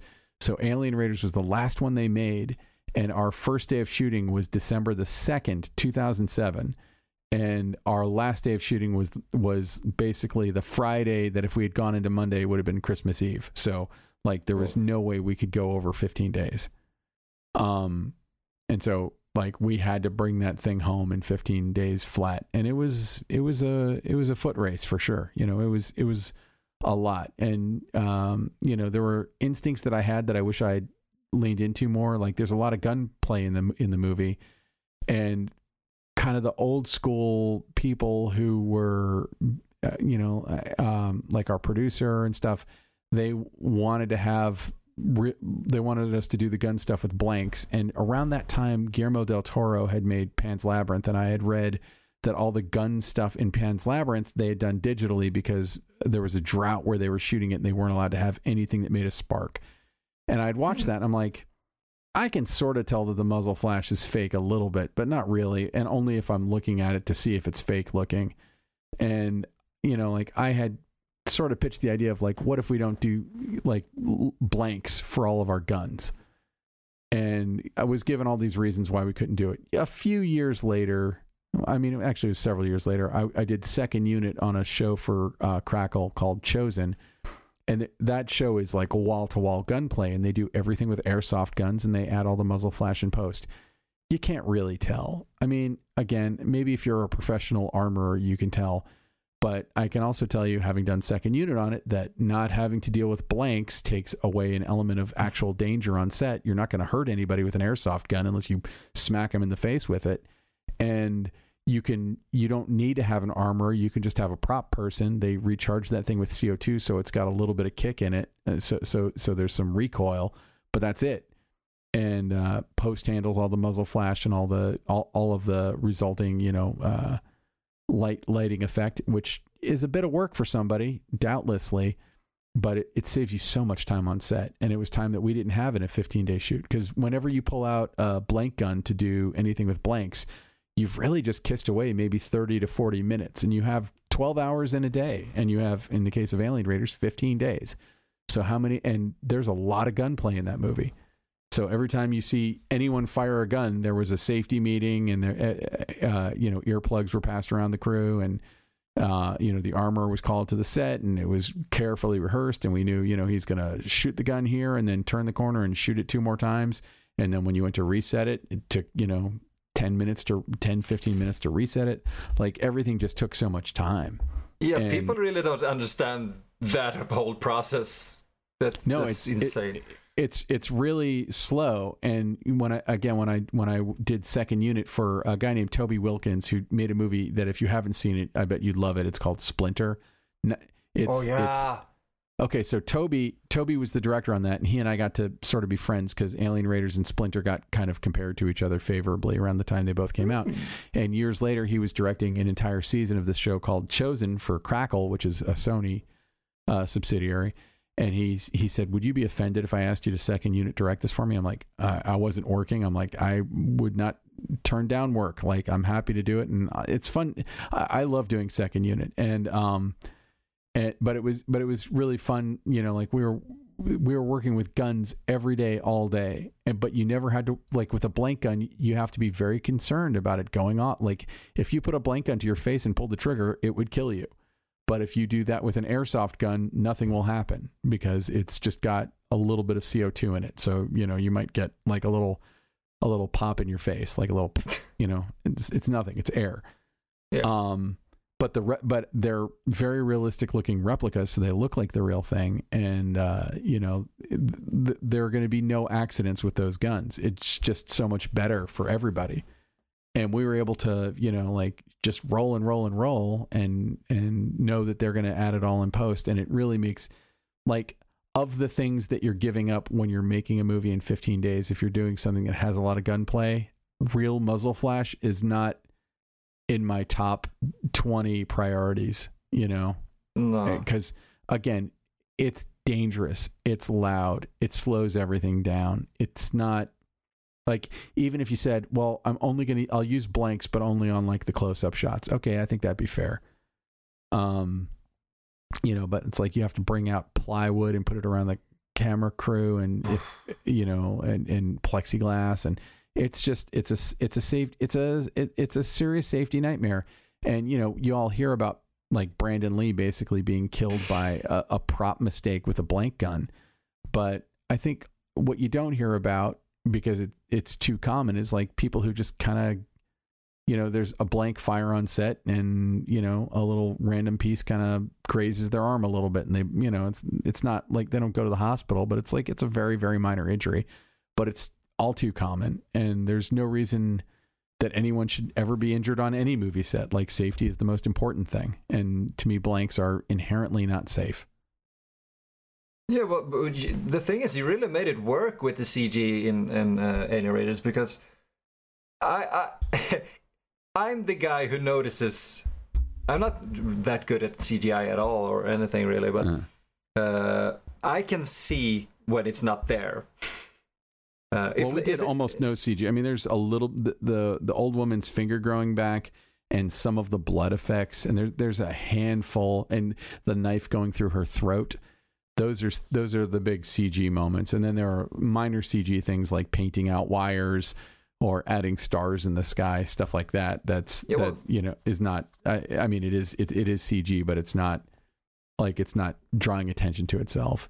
No, it's Um, not really replacing. yeah. but we did we did like the makeup effects are practical we added in a few shots we added maybe a little bit of particle system blood but i think particle system blood doesn't tend to look that good so we would only really do that in wide shots most of the effects in the movie are practical That's uh, on a 15 day schedule. That's uh, I I can't really understand how you pulled it off because it looks good.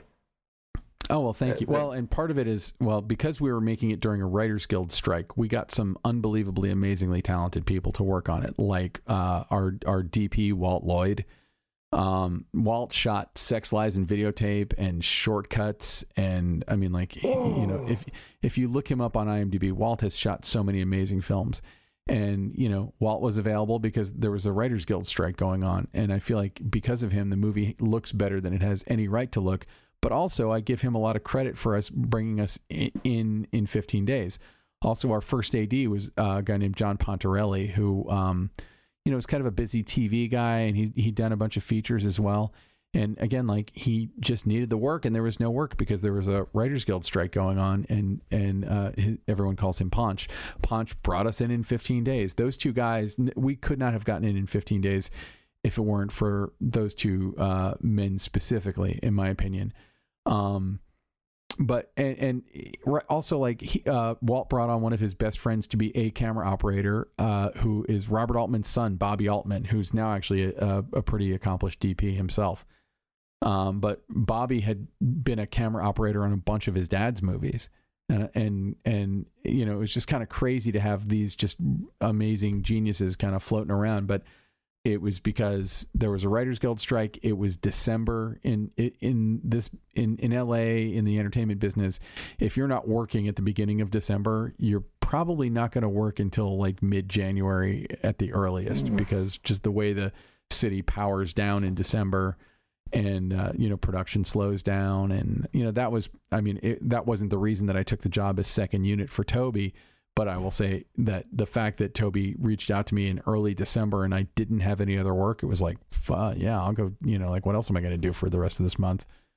And um you know so we got some you know really really talented amazing people and they all took their jobs very seriously. And and i have to say you know as a first time feature director they all you know th- they leaned in and suggested i do it their way when it really made the biggest difference but they also were kind of willing to let me make my own mistakes and make it my own as best as i could um, which is just fundamentally a hard thing to do in a 15 day shoot because it's like you kind of have to go in there with a, with a bulletproof plan. But given that I wasn't even hired till six weeks before cameras had to roll, it's hard to formulate a plan when you only have that much time. And half of that time was spent rewriting it, and we're rewriting it while we're casting it and trying to find locations. Like it was, uh, you know, it was a lot to juggle at once. It was very, very complicated. We had also a really uh, amazing producer, a guy named Steve Eccleston and he, uh, that guy goes back to he'd worked for both Roger Corman and Orson Welles,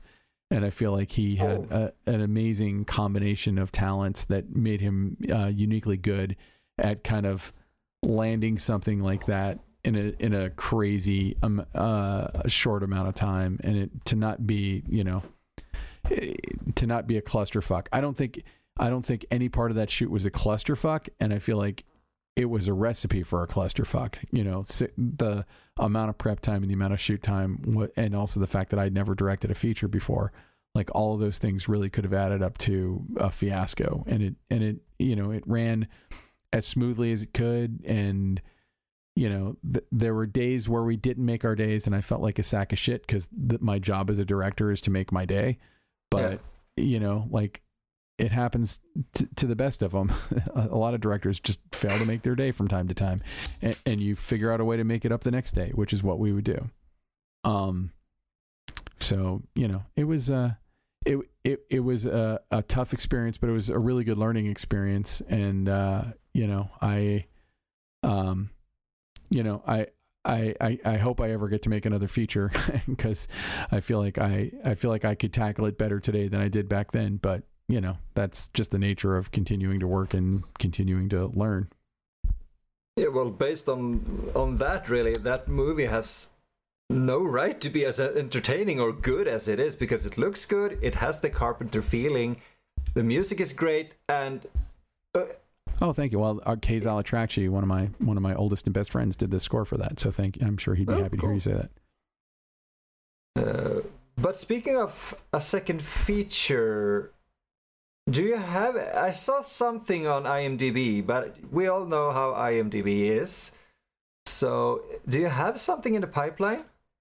Uh, you're probably talking about white racist zombie Christmas, and um, uh, we have already shot a trailer for that, and Wayne Brady is uh, is on as a producer, and it, and it's sort of his concept. Him and a guy named Aaron Shure, who's a huge comedy writer, and um, uh, I can't say I can't honestly say much more than that. Like No. it's it's not something that I'm. Uh, we're not actively shooting, but I will say that yesterday I met with the producer and Aaron Shure, so it's something that uh, may be uh, inching towards uh, cameras rolling. And we did shoot uh, like a trailer that is being used to shop it around. That had you know some. It had Wayne in it, and it had some uh, some other um, well-known actors in it. I off mic, I can I can show you the trailer if you'd like to see it. I'd love to. Uh, but, but it, it was just a thing that showed up, and I was like, "What? How? How do? Why don't I know about this? How do I not know about this?" Yeah, I mean, he, So- when we were making the trailer, it got all put up on IMDb, and um, you know, I um, I I I think it's a really cool idea, and uh, and really funny, and really and really dark, but like has has a, a strong kind of theme to it. So I'm hoping that it continues inching towards happening, but at, at the moment I can't say where it is. How's that No, for vague? I completely understand. I'd love to hear more off mic. So Sure. Uh, but I'm thinking that we should actually start to like, what do you call it? Round it up, close it up, Wrap it up. Uh, wrap it up. Thank you. Oh, I'm so tired. I'm so sorry. Um, Uh, again, uh, you know, uh, your your English is better than my completely non-existent Swedish. So I I I, I, I know no Swedish. I, I- I think we actually way back like 2017 we i I sent uh, uh, for some reason we sent each other some messages about how you say some things in different languages and i sent you uh like a, a, a voice message with, with me talking like very you know when somebody doesn't understand a language you speak slowly and loud and i sent that kind of like uh, hello my name is uh, emil. Uh, it was so bad. I was like oh my god he's never gonna talk to me again. And well here we are two years later. Here we are. uh, but we have so much more to speak about, really. We have the cinematography podcast, uh, we have Video Palace, we have 20 Seconds to Live, uh, uh, uh, more Blair Witch, because I'm gonna get back to you as soon as I have played some of the new game. Yeah, I'm, inter- I'm I'm interested to play it. Like if I already had a console, I'd probably pick it up. But uh, um, you know, I watched the trailer and the trailer looked really good. So uh, ho- hopefully, uh, hopefully it's cool. You know, I mean, the thing is, you kind of eventually have to say like, okay, the idea. I mean, the idea never belonged to me because it was always Ed and Dan's idea, and you know, whatever I did, I was doing to serve their concept. Um, but you know, e- even given that, it's like it's not it's it's sort of n- n- no one person's anymore because uh, ac- accidentally or on purpose or by whatever uh, luck of the draw, the thing kind of became a piece of culture for a minute, and it never it never stayed at that prominent level, but it never fully went away.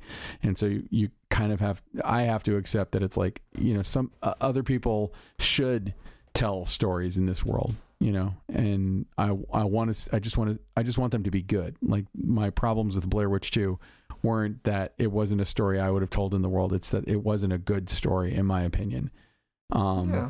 And the you know the adam wingard uh movie i like i liked a lot more. And i think it's you know i i i would love to see more of an exploration into that world. I mean ultimately it it'll probably never happen but i would love to see what ed and dan had wanted to do which was sort of a colonial era like you know 1700s witch story um Yeah, I, I read something about that. Would that would have been so cool? yeah throw away the idea of found footage you know like make make a movie that that feels very rooted in a, in a different time and place and to me that kind of cements the the idea in you know like um i mean and i'm not poo-pooing what um what adam and simon did with with uh the 2016 blair witch um, I feel like that probably had to happen in order to rejuvenate the series was to kind of go back to what made people interested in it in the first place. And unfortunately, it didn't really have the traction that they hoped it would have culturally. But um, you know, I would rather see something that just kind of goes way off uh, the that doesn't try and look at the first movie as a formula, or if it's going to look at the first movie as a formula, say, okay, the formula isn't about it being found footage. What is the formula? And to me, that's more interesting than than trying to do that. And I guess to a degree, that's what Joe Berlinger was trying to do. I think he just had a low chance of success given how little time he had to make it happen. Um, and you know they had a real budget and they had you know uh, uh you know some ama- I mean like you know Jeff Donovan was the lead actor in that movie. I mean like he's become kind of a big star.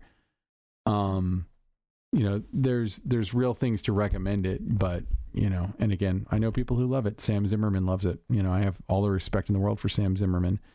Um, I just, uh, you know, I, I wish it was a better story. So I hope that the video game has a great story, and I hope that it, it I hope that it's successful in that it makes people go, oh, what are the other stories we can tell in this in this universe? Because there's so much more.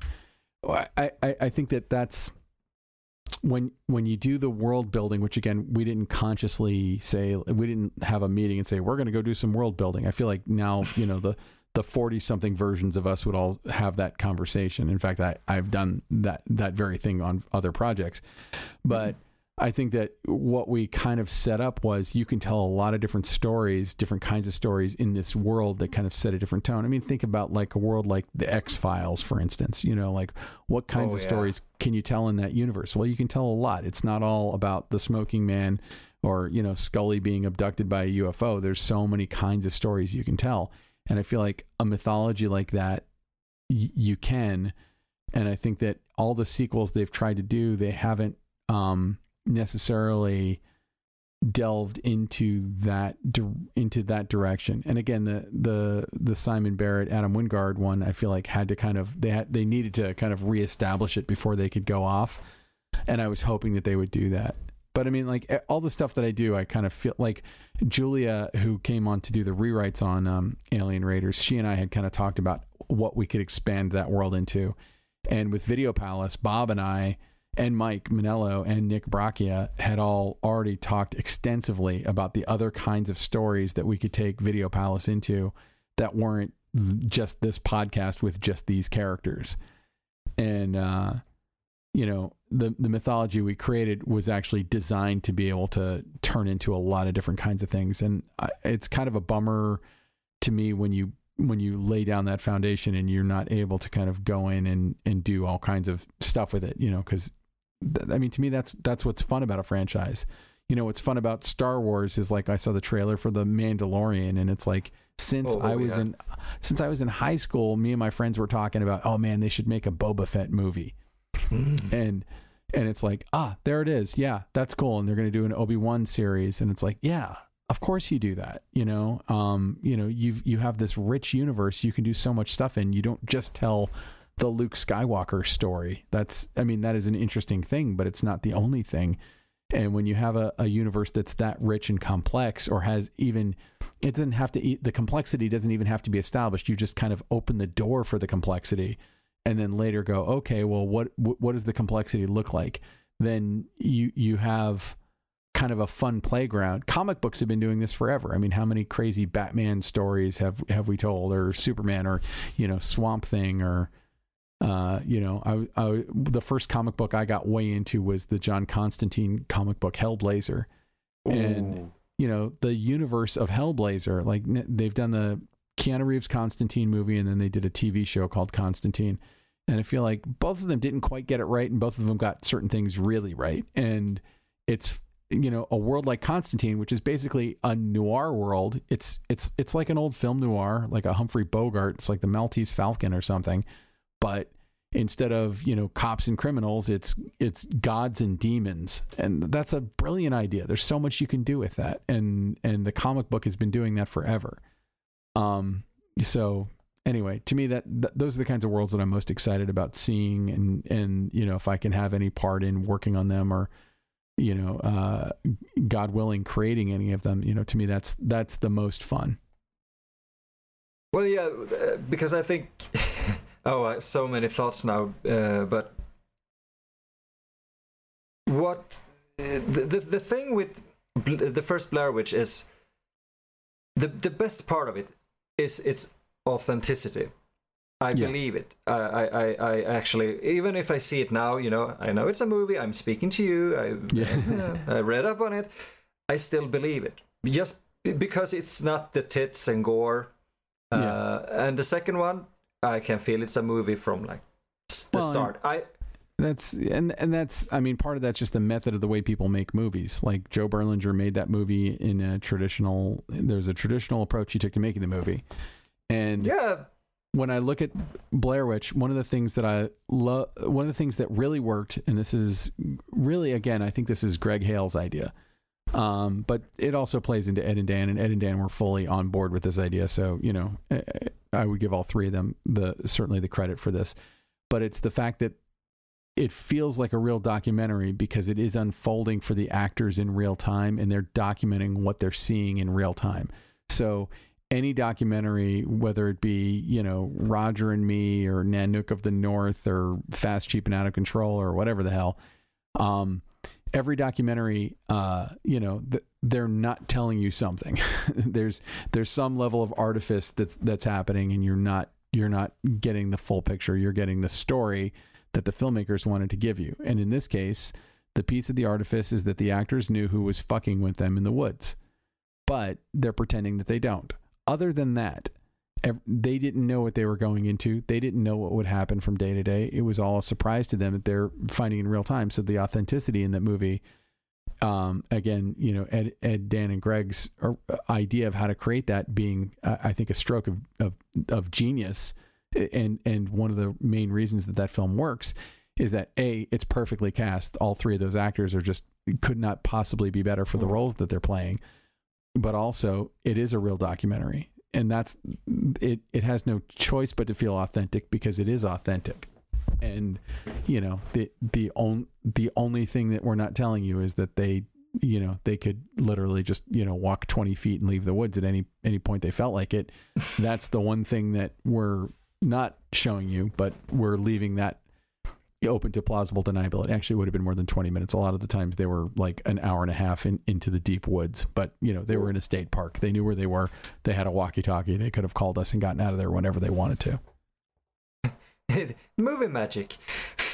Yeah, but it's not really movie magic because it's like there's no lighting out there. It's, you know, they're just kind of filming what's happening to them. And to me, like, it's, I would equate it today to, you know, we didn't really talk about this at the time, and I don't know if it existed, but a LARP, you know, live action role playing. If you had a character in a live action role playing scenario who was filming everything, it would probably come across like, depending on how committed everybody was and depending on how good the performers were, it might come across as kind of authentic because you know you're just it's a it's a role playing thing so you're you're going through an adventure in real time and uh and you know i i don't know how you recreate that. Like most found footage movies don't go to that to that idiotic extent um to to chase realism because it's it's very fucking hard to do.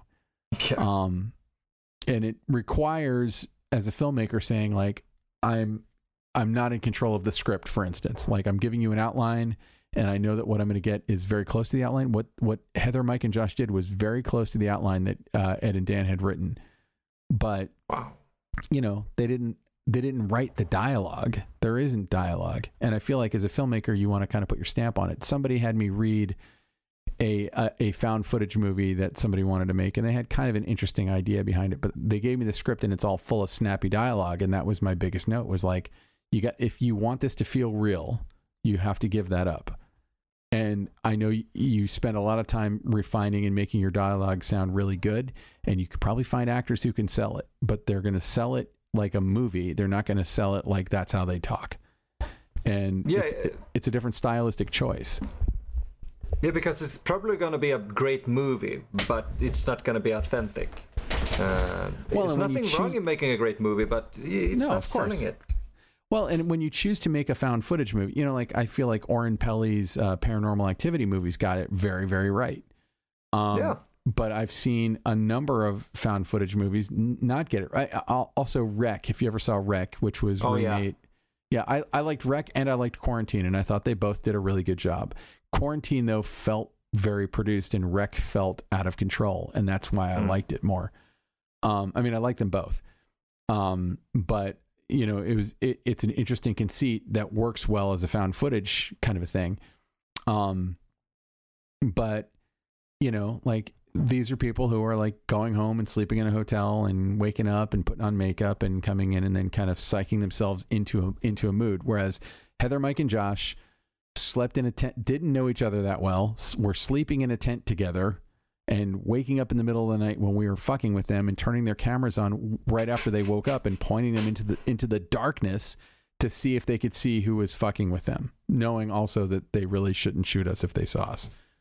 Um, you know, I mean, but but it's like you can't really fake that I just woke up feeling. You can simulate it pretty close, but they really had it. You know, like you can't really simulate the I'm freezing my my nuts off in the woods in in in, in uh, the Maryland October. Like you can't really f- like it it it's just hard. th- They're there all day. You know, they're hiking maybe ten miles a day.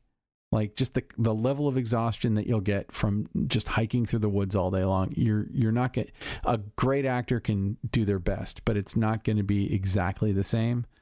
And um, you know, and I and uh, honestly, I think all three of them are great actors, but I think that the com- the level of commitment that went into it was kind of next level, and it's hard to come up with an idea that works well with that that wouldn't just feel like a rehash of Blair Witch anyway. Yeah, that's the problem, I, I, I think, because every. kind of like when Grand Theft Auto was a, a, a new game, um, people refer to games like it as Grand Theft Auto clones, or, you know, when Doom came Yeah. out, every game from an FPS or first person view was a Doom clone. Every found footage movie that came out after uh, Blair Witch were Blair Witch clones, and, and for a while they were just that. Uh, it, it kind of have evolved now. Yeah, as you uh, mentioned, Paranormal Activity took a kind of different spin on it, uh, using uh, security cameras and such.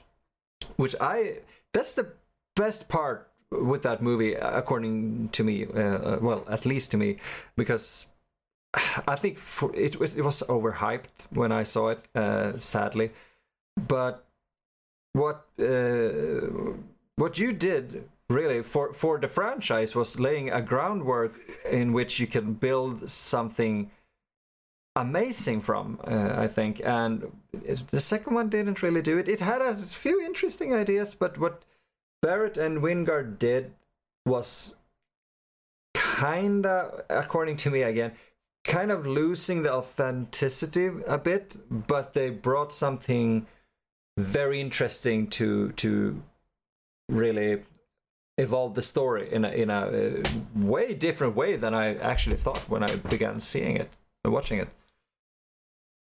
Uh, I really would. I, I would. I'd love to speak about that movie someday. Actually, The the new the 2016 Blair Witch. yeah, because it's it's it, it features some cool ideas, and I really want to know what you think about it. Uh, you know. Hmm, Yeah, I mean, I I saw it in the theater and I haven't seen it since. Um, I should probably Oh. see. I should probably see it again. Um, like I don't think it's on any of the streaming services that I have, and I don't have the Blu-ray or anything. Um, um, you know, like I, I mean, I I felt this way when I heard that um Adam was doing it, and I feel this way now. Like you couldn't have built a better filmmaker in a laboratory to make that movie. Like he's he's the perfect choice. yeah. Um, yeah. and I'm a huge fan of his, uh, you know, of his previous work. So I was excited that he was going to play in the universe. And like I said, I think he stayed respectful to the mythology while adding to it, you know, in ways that served what he wanted to do, but not, you know, negating any of the stuff that we'd worked really hard to kind of lay down. Um, but yeah, I, I would need to see it again to like really get into the nut meat of, you know, I, you know, I, I saw again. I saw it in 2016. I saw it with Dan Myrick. We went and saw it at uh, Oh, at uh, the ArcLight Hollywood. did he enjoy it? Yeah, I I mean, I think we all liked it. Oh, cool. Yeah, it's it's a. I really loved it. Uh, not loved it. I enjoyed it. That's the word I'm looking for. Uh, Yeah, it's a great I- movie, and I'm gonna watch it again. Yeah, I think Uh, I think Dan's really uh, something amazing. I'm looking forward to seeing his King Kong movie. Like I think he's uh, oh yeah. like I think I you know he's he's really got a voice and uh, and you know I, I I think my favorite film of his will always be You're Next. I mean I shouldn't say will always. I don't know what he he'll make awesome movies also you know later on, but uh, I I love You're Next. I, you know I, I I just love his approach. He's he's a he's got a great voice and I you know I'm I'm a fan of his work. Yeah, I, I hope he, the, uh, he keeps making movies like that because The Guest was one of those films that came right out of the left field and just. I, when I saw it, I was like, "What? What the fuck was that?" I have never seen anything like it, uh, and I, I want more. And well, if he makes a great King Kong, I'm gonna be so fucking happy. Because I've been yeah well I love King Kong. I can't argue. I ha- I don't think I've seen a bad King Kong movie really have I? It's a young I mean, I'm not the world's biggest fan of the Peter Jackson one, but um, yeah no. No it works it, it it's interesting in in in a lot of ways I, but I don't movie, hate it. It's just it's just not my favorite Peter Jackson movie. But um, no you know, no it, it I I uh I I really loved Kong Skull Island. I was it, it caught me a little bit off guard how much I loved it because when I heard they were doing it, I was like, really? And then when I saw it, I was like, oh, this is amazing. And on uh on my cinematography podcast, I got to talk to Larry Fong, who's the DP on that, and uh, oh he had- he had some great stories. Larry Larry's amazing. I'm gonna need to listen to that episode I don't think I have done that yet Larry Fong is uh, no shit one of the funniest uh, people, not just cinematographers. He's just a funny person. He's got a great sense of humor, and he Hmm, shot and he shoots dead serious movies. He shot Watchmen, and he shot um, uh, uh, Justice. No, not not Justice League. He shot Batman versus Superman, and like he's he shot the series pilot of Lost. He's uh he's really uh, Jesus yeah, he's he's he's heavyweight, man. He's he's he's one of the he's one of the the the big dogs in the cinematography world. He shot 300. He shot a lot of Zack Snyder movies. Um but uh yeah, I'm, I'm a big fan of his work and Kong Skull Island. Like I cuz he's he's someone who always shot on 35 millimeter film. I was surprised to learn that that I think was his first digital feature whoa and it doesn't look digital. But he, if you listen to the podcast, he talks at great length about all the things he did to make it feel more like film for him. Yeah, I already got it lined up here. I'm gonna listen to it uh, on my walk tomorrow. Yeah, Larry's Uh. Larry's very funny guy.